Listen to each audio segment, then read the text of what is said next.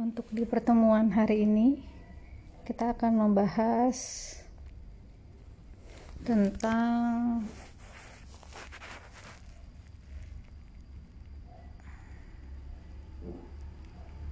jenis dan berbagai macam peraturan pelaksanaan UPA serta ketentuan-ketentuan yang ada di dalamnya beserta land reform. Dalam Undang-Undang Pokok Agraria mempunyai dua substansi yang mendasar, yakni tidak memberlakukan lagi atau mencabut hukum agraria kolonial Agraris Wet 1970 dan kemudian membangun agraria nasional. Nah, ini titik tolaknya. Kemudian di dalam UUPA menyatakan pula konsideran yang berpendapat bahwa hukum agraria yang baru harus didasarkan atas hukum adat tentang tanah sederhana, memberikan kepastian hukum bagi seluruh rakyat Indonesia, tidak mengabaikan unsur-unsur yang bersandar pada hukum agama. Dua, memberikan kemungkinan hukum agraria nasional harus memberikan kemungkinan akan tercapainya fungsi supaya bumi air ruang angkasa sesuai dengan kepentingan rakyat Indonesia, yaitu membangun masyarakat adil dan makmur. Tiga, mewujudkan penjelmaan dari Pancasila sebagai asas kerohanian yang yang dicita-citakan bangsa Indonesia yang tercantum dalam pembukaan Undang-Undang Dasar 45. Empat, hukum agraria nasional haruslah merupakan pelaksanaan Dekrit Presiden 5 Juli 59 dan manifesto politik dan melaksanakan ketentuan pasal 33 Undang-Undang Dasar 45.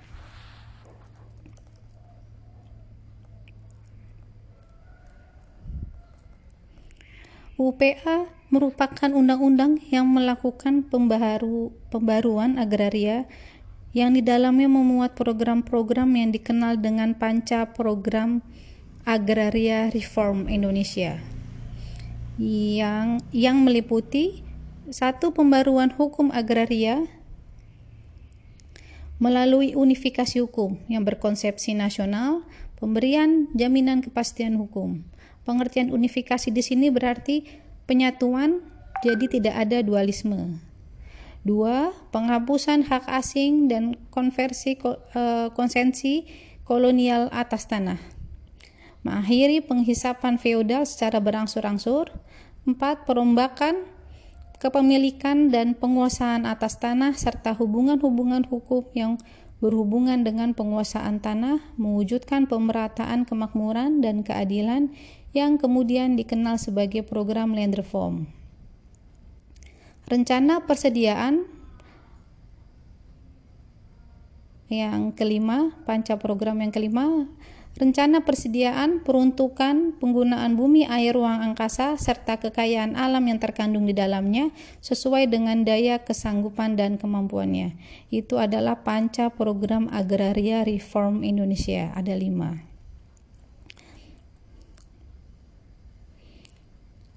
UPA adalah merupakan hukum agraria nasional, merupakan produk hukum bangsa Indonesia. Undang-Undang Dasar dikatakan hukum agraria nasional karena mempunyai dua syarat utama, yakni dilihat aspek pembentukannya, syarat formal bahwa undang-undang pokok agraria dibentuk oleh presiden atas persetujuan DPR. Dilihat dari isinya, syarat material, Sila pertama tercermin dalam pasal 1 ayat 2 bahwa seluruh bumi air dan ruang angkasa termasuk kekayaan alam yang terkandung di dalamnya dalam wilayah Republik Indonesia sebagai karunia Tuhan Yang Maha Esa adalah bumi, air, serta ruang angkasa bangsa Indonesia dan merupakan kekayaan nasional. Sila kedua tercermin dalam pasal 2 ayat 3, 4, dan 6 sebagai berikut. Pasal 2 ayat 3 menentukan wewenang yang bersumber pada hak menguasai negara digunakan untuk mencapai sebesar-besar kemakmuran rakyat. Pasal 4 ayat 1 menentukan atas dasar hak menguasai dari negara, maka ditentukan macam-macam hak atas permukaan bumi yang disebut tanah, yang dapat diberikan kepada dan dipunyai oleh orang-orang baik sendiri-sendiri maupun bersama-sama dengan orang lain serta badan-badan hukum. Pasal 6 menentukan semua hak atas tanah berfungsi sosial. Dalam sila ketiga, Pancasila tercermin dalam ketentuan pasal 9 ayat 1 yang menentukan hanya warga Indonesia yang dapat mempunyai hubungan hukum yang sepenuhnya dengan bumi, air, dan ruang angkasa. Sila keempat dan kelima tercermin dalam ketentuan pasal 9 ayat 2 yang menentukan tiap-tiap warga negara Indonesia baik laki-laki maupun perempuan mempunyai kesempatan yang sama untuk memperoleh semua hak atas tanah serta mendapat manfaat dan hasilnya baik bagi diri sendiri maupun keluarganya.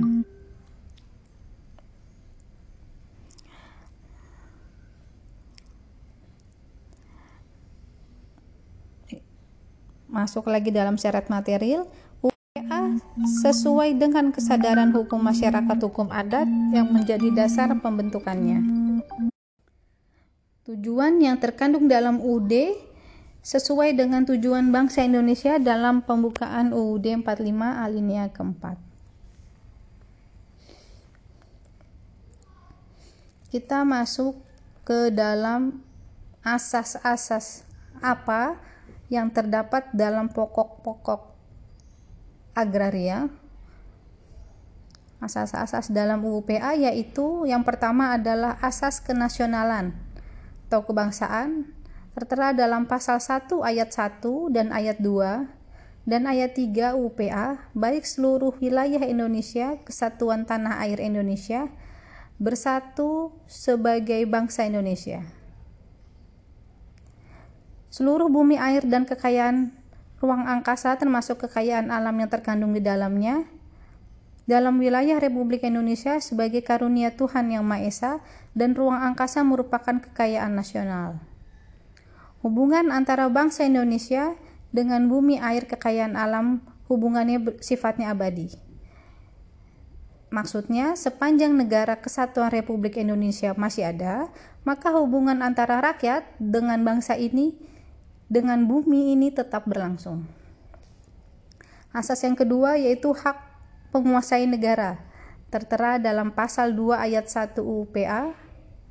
Pasal 2 ayat 1 atas dasar ketentuan dalam pasal 33 ayat 3 Undang-Undang Dasar dan hal-hal sebagai yang dimaksud dalam pasal 1, bumi, air, dan ruang angkasa termasuk kekayaan alam yang terkandung di dalamnya itu pada tingkatan tertinggi dikuasai oleh negara sebagai organisasi kekuasaan seluruh rakyat.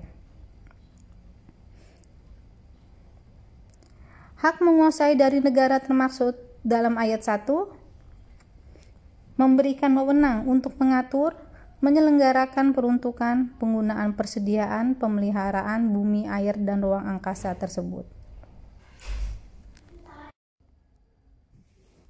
Dan menentukan dan mengatur hubungan-hubungan hukum antara orang-orang dengan bumi, air, dan ruang angkasa juga menentukan dan mengatur hubungan-hubungan hukum antara orang-orang dan perbuatan-perbuatan hukum yang mengenai bumi, air, dan ruang angkasa.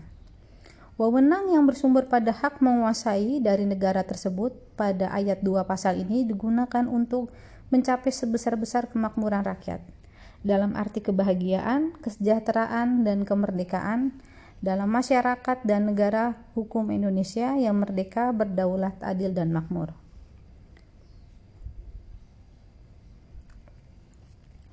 Hak menguasai dari negara tersebut di atas pelaksanaannya dapat dikuasakan kepada daerah-daerah swatantra dan masyarakat-masyarakat hukum adat sekedar diperlukan dan tidak bertentangan dengan kepentingan nasional menurut ketentuan-ketentuan peraturan pemerintah. Asas yang ketiga yaitu asas pengakuan hak ulayat. Pasal 33 UPA dengan mengingat ketentuan dalam pasal 1 dan 2, pelaksanaan hak wilayah dan hak-hak yang serupa itu dari masyarakat-masyarakat hukum adat sepanjang menurut kenyataannya masih ada, ya, syaratnya adalah sepanjang menurut kenyataan yang masih ada harus sedemikian rupa sehingga sesuai dengan kepentingan nasional dan negara yang berdasarkan atas persatuan bangsa serta tidak boleh bertentangan dengan undang-undang dan peraturan lain yang lebih tinggi. Yang keempat, asas kesatuan hukum agraria nasional. Tertera dalam pasal 5 UPA hukum agraria yang berlaku atas bumi, air, dan ruang angkasa ialah hukum adat sepanjang tidak bertentangan dengan kepentingan nasional dan negara yang berdasarkan atas persatuan bangsa dengan sosialisme Indonesia serta dengan peraturan-peraturan yang tercantum dalam undang-undang ini dan dengan peraturan-peraturan perundangan lainnya. Segala sesuatu dengan mengindahkan unsur-unsur yang bersandar pada hukum agama. Asas yang kelima adalah eh, asas fungsi sosial, pasal 6 UPA. Semua hak atas tanah mempunyai fungsi sosial, tidak hanya hak milik yang mempunyai fungsi sosial, tapi semua hak atas tanah mempunyai fungsi sosial. Maka apabila berhadapan dengan kehidupan sosial yang membutuhkan, maka pemilik hak harus melepaskan haknya dengan syarat-syarat yang terkandung dalam fungsi sosial. Hak atas tanah apa pun tidaklah dapat dibenarkan bahwa tanahnya itu digunakan atau tidak digunakan semata-mata untuk kepentingan pribadinya, apalagi kalau hal ini merugikan masyarakat. Penggunaan tanah itu harus disesuaikan dengan keadaan dan sifat haknya, sehingga bermanfaat bagi kesejahteraan dan kebahagiaan yang mempunyai maupun bagi masyarakat dan negara. Asas land reform. Selanjutnya asas land reform pasal 7 pasal 10 dan pasal 17 UPA. Pasal 7 untuk tidak asas land reform adalah untuk tidak merugikan kepentingan umum, maka pemilikan dan penguasaan tanah yang melampaui batas tidak diperkenankan. Pasal 10, setiap orang yang setiap orang dan badan hukum yang mempunyai sesuatu hak atas tanah pertanian pada asasnya diwajibkan mengerjakan atau mengusahakan sendiri secara aktif dengan mencegah cara-cara pemerasan. Ya, jadi pasal 10 ini eh, syaratnya setiap orang dan badan hukum yang mem yang mempunyai sesuatu hak atas tanah pertanian pada asasnya diwajibkan ya diwajibkan mengerjakan atau mengusahakannya sendiri secara aktif dengan mencegah cara-cara pemerasan. Pasal 17 dengan mengingat ketentuan pasal 7 maka untuk mencapai tujuan dimaksud dalam pasal 2 ayat 3 diatur luas maksimum atau minimum tanah yang boleh dipunyai dengan sesuatu hak tersebut dalam pasal 16 oleh satu keluarga atau badan hukum.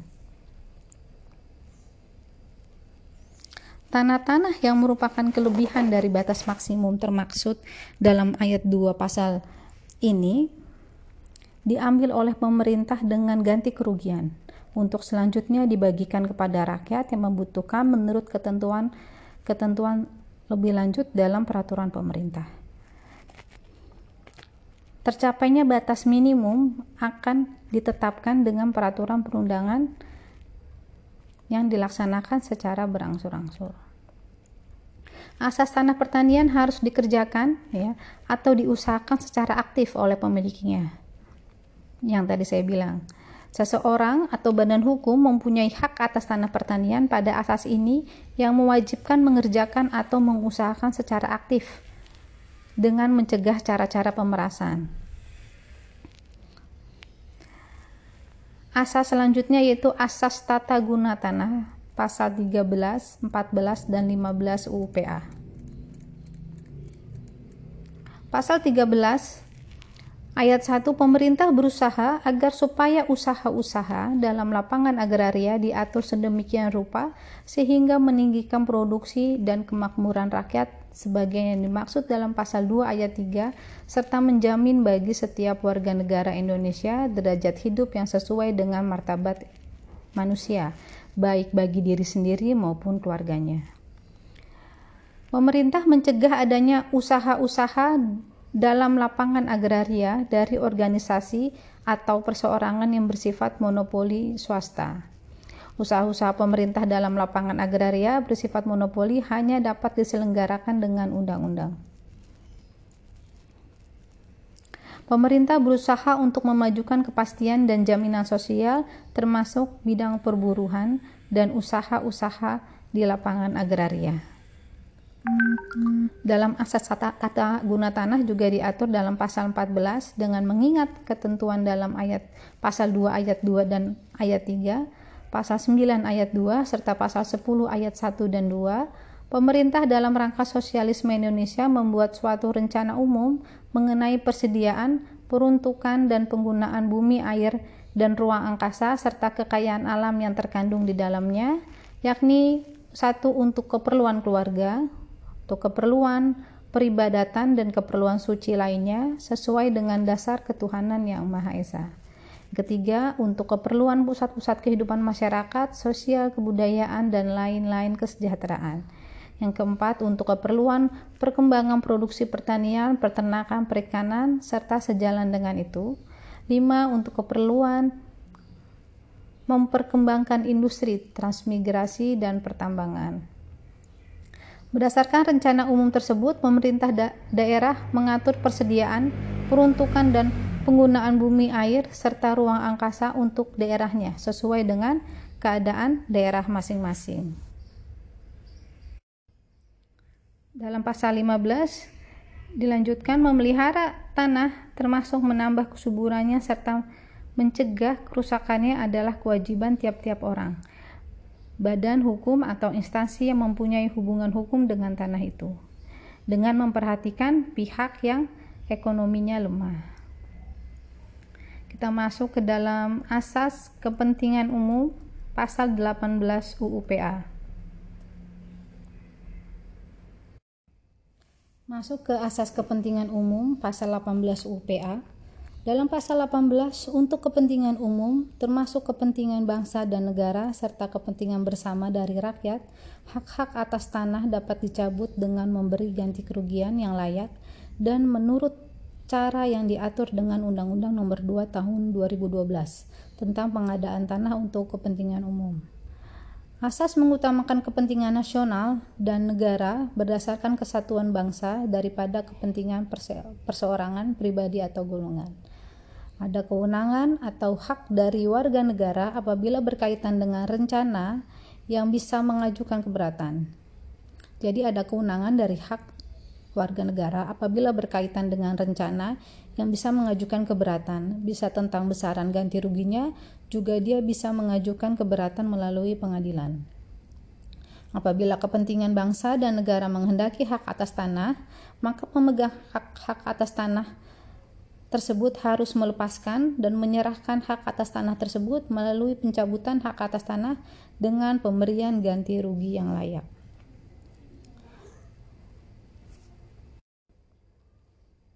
Asas semua hak atas tanah mempunyai fungsi sosial bahwa tidak hanya hak milik tetapi semua hak memiliki fungsi sosial.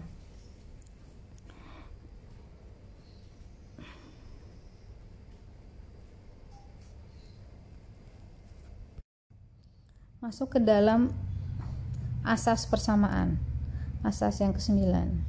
Asas persamaan bagi setiap warga negara dalam pasal 9 ayat 2, tiap-tiap warga negara baik laki ataupun wanita mempunyai kesempatan yang sama memperoleh sesuatu hak atas tanah serta mendapatkan manfaatnya dan hasilnya bagi diri sendiri maupun keluarganya.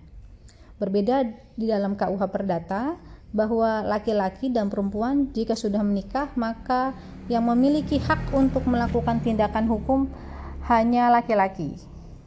Tapi kalau di UPA sama mengenal asas persamaan.